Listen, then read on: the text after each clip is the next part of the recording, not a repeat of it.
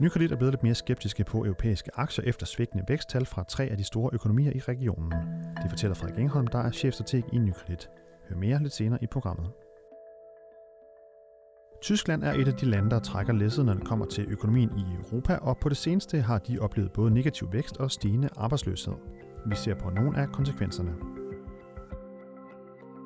Italien er på vej til at få en ny regering, og det er umiddelbart noget, markedet er positivt stemt overfor, lyder det. Få en vurdering af situationen mod slutningen af programmet.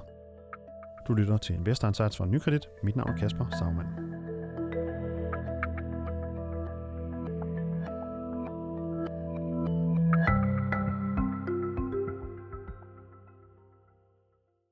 Negativ vækst i Tyskland og Storbritannien og stagnation i Italien. Tre af Europas fire største økonomier er udfordret, og for nogle af landene er det kun en blandt flere bekymringer, som de har at tage sig af i øjeblikket. Hvad betyder det for europæiske aktier? Det kigger vi lidt på i ugens podcast. Derfor kan vi velkommen til øh, dig, Frederik Engholm. Tak skal du have. Chefstrateg her i Nykredit, og øh, Frederik, der er jo sådan mellem lidt forskellige udfordringer at se på sådan i det europæiske landskab, når man øh, tager, øh, kigger på det med, med investorbriller. Regionens øh, to største økonomier, Tyskland og Storbritannien, de øh, viste i andet kvartal begge to negativ vækst på henholdsvis, ja, vi er i den lave ende, men 0,1 øh, og 0,2 procent.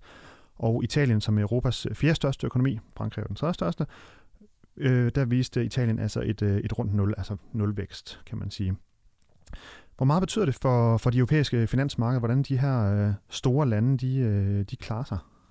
Jamen, det betyder i sidste ende rigtig meget, og man kan sige, selvom Europa er den region, der faktisk henter den største andel af sin indkomst uden for, uden for Europa, så er det stadigvæk sådan, at, at det vigtigste marked er stadigvæk øh, ens eget marked, og rigtig mange af virksomhederne vil stadigvæk være bundet meget kraftigt op på, hvordan udviklingen er i den region. Og så er der det andet, at, at investorerne også nogle gange faktisk øh, skiller mere til, hvordan det går i, i økonomierne, og, øh, og, og lidt mindre til egentlig, hvor indtjeningen bliver hentet hen. Så der er også sådan en, en, en, en på kort sigt i hvert fald dobbelt effekt af, at, at, øh, at, at aktierne bliver, bliver straffet for en dårlig økonomisk udvikling i det land, man kommer fra, også selvom man faktisk henter meget indtjening i alle mulige andre lande.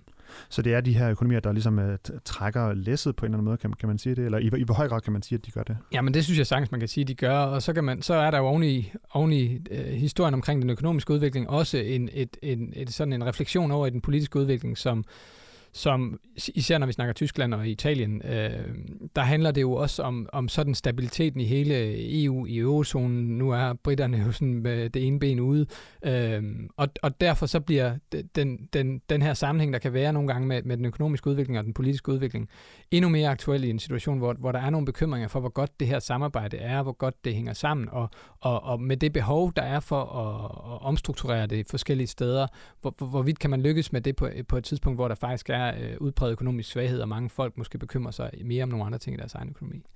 Og hvis vi lige kigger på, på landene sådan øh, et efter et, starter med Tyskland, de, øh, udover at altså, de har øh, lidt negativ vækst, så ser vi nu også en, en, en stigende arbejdsløshed. Det, det kommer fra et meget lavt niveau, skal jeg sige, men, øh, men første gang i, i, i fem år, der faldt den i, øh, i maj måned, og siden har vi så set nogle flere fald, og senest så kom der tal i den her uge også, hvor, undskyld, hvor altså arbejdsløsheden steg selvfølgelig.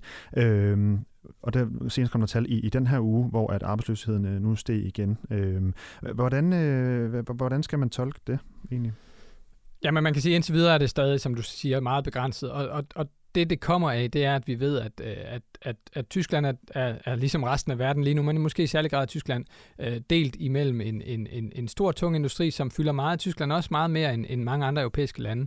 Øh, og så bilindustrien? Øh, industri i det hele taget. Industri i det hele taget, yes. øh, og bilindustrien er også betydende, men, men det, er, det er meget mere end det. Det er også øh, maskiner og andre apparaturer, som man som, som man eksporterer til hele af verden. Altså det, det er den tunge del af industrien, der er Tyskland øh, meget stor og stærk, og har i det hele taget en stor industrisektor. Og så har man servicesektoren ved siden af, som, som øh, ikke kun i Tyskland, men over hele verden har det bedre. Øh, men humlen er, at industrien er stor i Tyskland, og, og industrien er særlig følsom over for det, den, den globale vækst i Tyskland. Man eksporterer meget bredt, og man har i det hele taget en meget stor eksport i Tyskland. Og i den situation, vi står i nu, hvor der er meget stor usikkerhed om de, de sådan, den globale handel, den er, den er bremset kraftigt op på grund af handelskrigen, og vi har ovenikøbet Brexit, der også betyder noget for den interne europæiske handel, også selvom den ikke er trådt i kraft endnu. Og vi har en investeringsefterspørgsel, der på grund af de her usikkerhedsmomenter om fremtidens handelsforhold, både inden for Europa, men også globalt, så har vi altså en ringere efterspørgsel efter investeringsgoder. Og det er noget af det, tyskerne er gode til at producere. Så derfor er den økonomi, som ellers har været den, der man, man har kunne pege på i mange år, måske for uden den spanske, som den stærke i Europa, derfor er den ramt særligt hårdt nu. Og det er jo sådan, skaber i virkeligheden også diskussioner internt i Tyskland om, at den model, vi har valgt, hvor vi burde være dem, der sejlede igennem sådan en krise her, hvor vi har en stærk økonomi, faktisk den allermest sårbare. Så det skaber sådan en diskussion om hele den, den økonomiske opbygning, man har lavet i Tyskland, hvor man altså er i virkeligheden meget afhængig af resten af verden, fordi man er så eksportorienteret og særligt øh, eksporterer de her, de her tunge industrivarer. Og noget af det, der også sker i Tyskland, det er, at der kommer nogle, nogle delstatsvalg her øh, på søndag i, i den her uge. Og øh, Financial Times havde en interessant historie i går, synes jeg, hvor de også kiggede på, på Tyskland og nogle af de forskelle, der er internt i landet, altså mellem det gamle Øst- og Vesttyskland, hvor de blandt andet jo øh, får fremhævet det her med, at øh, BNP per indbygger øh, stadigvæk er 20% lavere i øh, det tidligere Østtyskland end i øh, det tidligere Vesttyskland, og det har faktisk været nogenlunde uændret i 15 år ifølge den her artikel. Hvad, hvad, hvad betyder det? Nu er du så lidt inde på det her med, at øh, internt, at der kan være nogle ting, altså hvad, hvad kan det betyde egentlig, at, at, at der er sådan en, en, en, en anden form for splittelse internt i landet? Kan, kan det betyde noget økonomisk også? Ja, men det kan i hvert fald betyde, altså det betyder i hvert fald noget, jeg tror, det betyder mere politisk i virkeligheden, og det betyder noget for den måde, verden ser på Europa på, hvis der i det land, der har været måske det mest stabile politisk meget længe, hvor man hele tiden har fået nogle regeringer, der har kunne levere sådan overordnet på de ting, de skulle, det blev udfordret lidt ved det seneste valg, vi havde for, for hvad, lidt over øh, halvandet års tid siden, eller hvor lang tid nu efterhånden er siden. Det seneste valg i Tyskland, hvor det tog lang tid efterfølgende at lave en regering.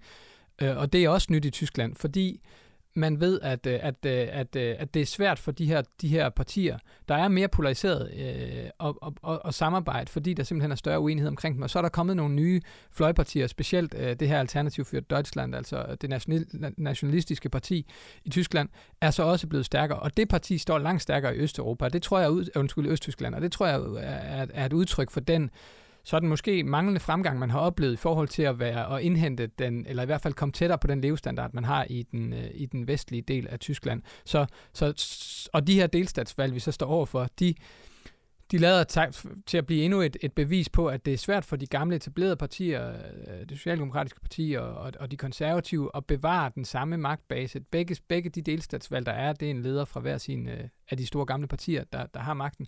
De er udfordret af, det her, det her nye pres fra fløjene, og specielt fra højrefløjen. Og, og, og man har den her diskussion, man har haft mange andre steder også, skal vi samarbejde, skal vi ikke samarbejde med dem, eller skal vi udelukke dem, eller hvordan skal man håndtere det? Men, men, men, men, men det er altså noget, der viser en, en, hvad kan man sige, en ny splittelse og lidt større ustabilitet i tysk politik, end man har været vant til længe, og det har netop været det sted, hvor man som investor har kunne kigge på og sige, jamen trods alt har vi Tyskland, der sidder der og har en Merkel, som styrer Europa.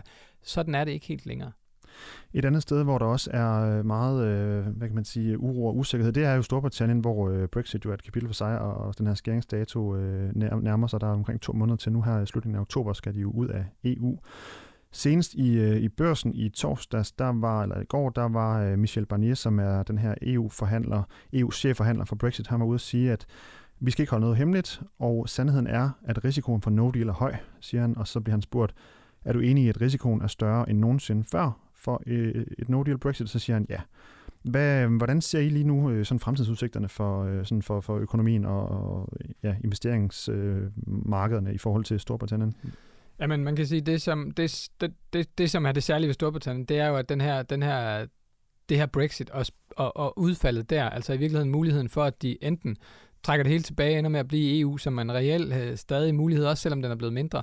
Og så øh, risikoen for det her no-deal, som vil være den værste og hårdeste måde, man kan træde ud af EU på, hvor man fra den ene dag til den anden snubler ud og, og, og, og må leve med konsekvenserne af det, uden handelsaftaler eller n- nogen som helst enighed om, hvordan overgangen, eller nogen aftale om, hvordan overgangen skal være, så dermed en meget hård, øh, bræt øh, opvågen uden for EU det, øh, det, det viser, at spænd, spænd, spændingsviden er meget bred, når vi snakker britisk øh, politik og britisk økonomi som helhed, som vil være påvirket meget forskelligt af de her to udfald. Og det gør, at det er meget svært at sige, hvad for en retning vi, skal, vi, vi kommer til at bevæge hvornår os. Ved vi, også, det, hvornår ved vi, hvad det ender med? Jamen, det ved vi, det nej, ved vi nej. ikke engang, hvornår vi ved, og det er jo det nej. ironiske ved det. Altså, vi ved jo, vi ved jo ikke engang om den dato, der, der Boris Johnson bliver ved med at slå fast som den endelige udtrædelsesdato, om det så bliver med eller uden en aftale, altså den 31. oktober, om det kommer til at holde. Der er mange ting i spil, der kan både nå at blive udskrevet valg inden da, der kan nå at blive, blive, blive forlænget deadline, hvis, øh, hvis, øh, hvis, hvis, det, hvis det lykkes parlamentet at tvinge det igennem. Øhm, og det kan altså også det være... parlament? Ja, ja. Men, som er, jo, men de er jo lige blevet, øh, hvad kan man sige, suspenderet, eller i en eller anden øh, De er blevet form. suspenderet, sådan at de i en, i en, i en måned fra, fra midt i september til midt i oktober øh, ikke kan komme til fadet. Der plejer alligevel at være en kortere periode der, øh, hvor de normalvis også er suspenderet, så mere øh, skørt er det heller ikke. Men, men, men Boris Johnson har altså forlænget den periode for simpelthen at undgå, at de prøver at øh, og, øh, hvad skal man sige, stikke en kæppe i hjulet på hans idé om, at, at 31. oktober, det er deadline. også selvom vi ikke har en aftale, og dermed, at man kan risikere et no-deal. Så, så, så det er altså det, det, det er et forsøg, han har lavet, men det udelukker ikke, at, at parlamentet stadigvæk kan mødes og, og, og levere en, både før og inden, leverer en, øh, en eller anden form for, for beslutning, der måske kan forhindre, at det her bliver tilfældet. Det, det er stadig uvist. Det kan også være, at det her ender med at koste øh, Boris Johnson sin egen post, fordi det kan være, at hans egen folk vender sig imod ham og stemmer med, med oppositionen, og dermed vælter ham af pinden for at undgå, at, man, øh, man, at, at han får ret i, at, øh, at man skal ud den 31. oktober, uanset om det er med den ene eller den anden, øh, øh, på, på den ene eller den anden model. Der sker ting og sager i Storbritannien, må man sige. Det gør der faktisk også i Italien. Ikke helt så, øh, så dramatisk, tror jeg måske godt, man kan sige, trods alt. Men, øh, men, men Italien er jo, som jeg nævnte i starten, altså et, et tredje sådan, øh, smertensbarn, kan man måske godt sige, blandt de, de, de fire største økonomier i Europa, hvor landet i andet kvartal altså viste nulvækst, og har også tidligere vist, øh, vist minusvækst. Øh, torsdag, altså i går, der fik de så, øh, der skete der noget på den politiske front, øh, hvor øh, det her femstjernebevægelsen og det demokratiske parti, mener de hedder, de øh, har ligesom fået mandat til at gå den regering.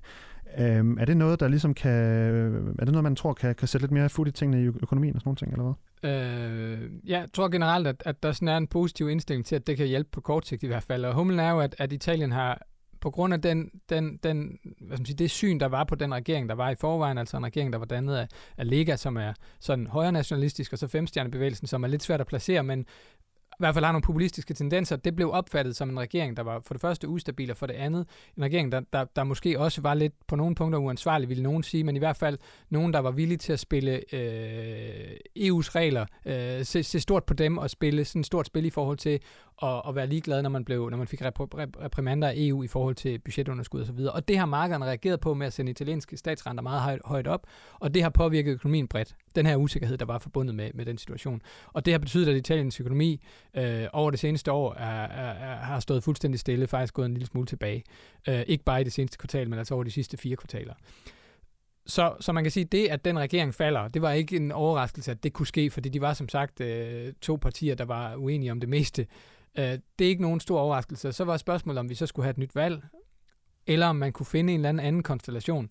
Og det blev også prøvet efter det seneste valg sidste forår. Øh, men der kunne femstjernebevægelsen, undskyld, ja, femstjernebevægelsen og, og demokraterne altså ikke rigtig finde sammen. Nu har de givet det et nyt skud og ser ud til at være fundet sammen om nogle rammer, der gør, at man nu har givet Conte, som var premierminister i den gamle regering også, men egentlig er, er udefrakommende, ikke tilhører nogen af partierne, givet ham et mandat til at prøve at sammensætte en regering af nogle folk fra de forskellige partier, de to partier, og dermed en regering, der vil være lidt mere formentlig lidt mindre EU-fjendsk, lidt mere, hvad skal man sige, øh, lidt mere forsigtig med at bruge de finanspolitiske instrumenter, og, og markederne har jo allerede reageret med at sende italienske statsrenter øh, kraftigt nedad i sådan en, en anerkendelse af, at ja, der skal ikke være en lige så stor risikopræmie med, på Italien længere.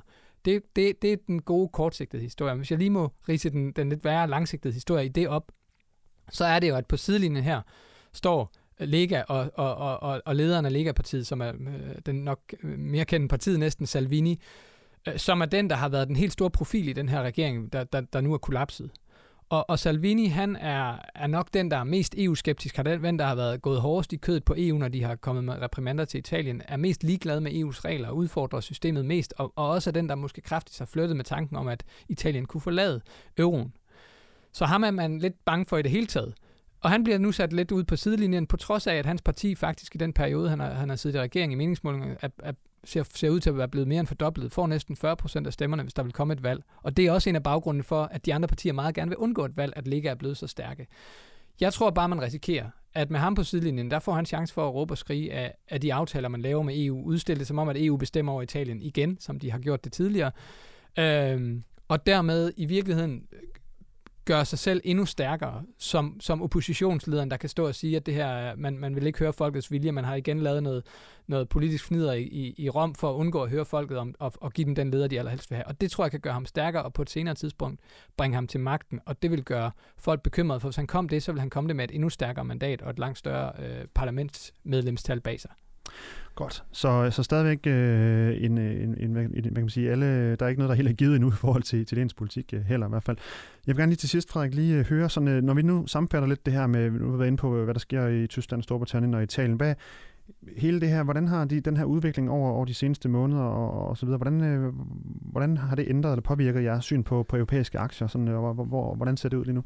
Jamen, jeg synes generelt, så er vi blevet, så er vi blevet lidt mere skeptiske på europæiske aktier, og, øh, og, og, og, øh, og, og lige nu er det, er, det, er det dem, vi har i forhold til, hvad vi normalt har lidt færre af, og så, har vi, så, så vil vi hellere have nogle, øh, nogle, øh, nogle aktier i udviklingslandene, som, hvor vi ser flere muligheder. En af, en af problemerne med Europa er også, at at, at når vi har den her økonomiske svaghed, og så ovenikøbet købet nogle, nogle politiske usikkerhedsmomenter, men hvis vi fokuserer på den økonomiske svaghed, så er der fra politisk side ikke særlig mange knapper at skrue på for at, at, at, at genrejse væksten, når vi har svaghed i Europa. Hvorimod andre dele af verden, f.eks. Kina, har enormt kapacitet til at kunne, kunne, kunne stimulere økonomien. Og i Europa har vi altså en centralbank, der allerede opererer med markant negative renter, og nok kommer til at sænke renten noget mere, og måske lave et opkøbsprogram, men effekten af det tvivler de fleste på er særlig kraftig. Og så har man nogle finanspolitiske regler, der gør, at langt de fleste af landene ikke kan gøre ret meget på finanspolitikken, så man har næsten ingen værktøj til at skubbe på væksten. Og det er noget af det, der bekymrer os i en tid, hvor, hvor væksten er lidt sløv i Europa, og der tror vi altså, der er andre dele af verden, der har bedre muligheder for at stimulere, og dermed også, at, at markederne vil, vil, vil, øh, vil belønne den, øh, den del af verden lidt, øh, lidt mere gavmildt. Så bare lige øh, en opfølging i forhold til det, du siger. Altså, hvad vil, hvad vil kunne, ligesom kunne, kunne, kunne ændre billedet her i Europa til, til, til noget mere positivt, sådan, hvis det ikke er centralbankerne osv.? Men hvad, Jamen, hvad vil kunne... Noget af, det, man, noget af det, man... Altså for det første, så kan man sige, hvis handelskrigen blæste over, så vil, så vil der forsvinde øh, en tung byrde for Tysklands skulder, ikke mindst hvis, hvis Brexit blev løst. Så der er ting, der kan løse de her, eller hjælpe på de her problematikker, og, og formentlig også gøre det ret hurtigt. Øh, og på den anden side, så står der faktisk en, en, en, en, en, en diskussion i Tyskland, der lige nu kører sådan lidt frem og tilbage, om ikke Tyskland kunne bruge sit store finanspolitiske råderum, hvis ellers de, de, de er villige til det, til at skubbe gang i væksten. Og det ville være en game changer, hvis de gjorde det. Det er der ikke nogen tvivl om. Det ville blive opfattet ekstremt positivt, fordi Tyskland har været dem, der måske er allermest konservative, har masser af mulighed for at gøre det. De har bare sådan nogle selvbestaltede regler, der i virkeligheden ikke er EU's regler, men deres egne regler, som, gør det, som, som, som, som har holdt dem tilbage fra at bruge det her instrument, som alle økonomer i virkeligheden skriger på, at de burde bruge. Så der var nogle elementer, der kunne vende det her billede og gøre det meget mere øh, ændre synet, tror jeg, meget kraftigt på Europa. Vi tvivler bare på, at de lige på den korte bane øh, kommer i spil. Vi må se, hvad der sker. Det er altid spændende at se og uforudsigeligt. Tak fordi du i hvert fald lige kom og gjorde os klogere på hele den her situationen i Europa, Frederik Engholm. Selv tak. Frederik er jo chefstrateg her i Nykredit. Det her, det var Investor Insights fra Nykredit. Du kan følge os på nykredit.dk eller iTunes, SoundCloud, Spotify eller Podcasts. Hvis du har idéer til noget, vi skal tage op i podcasten, kan du sende en mail til podcast Tak fordi du lyttede med.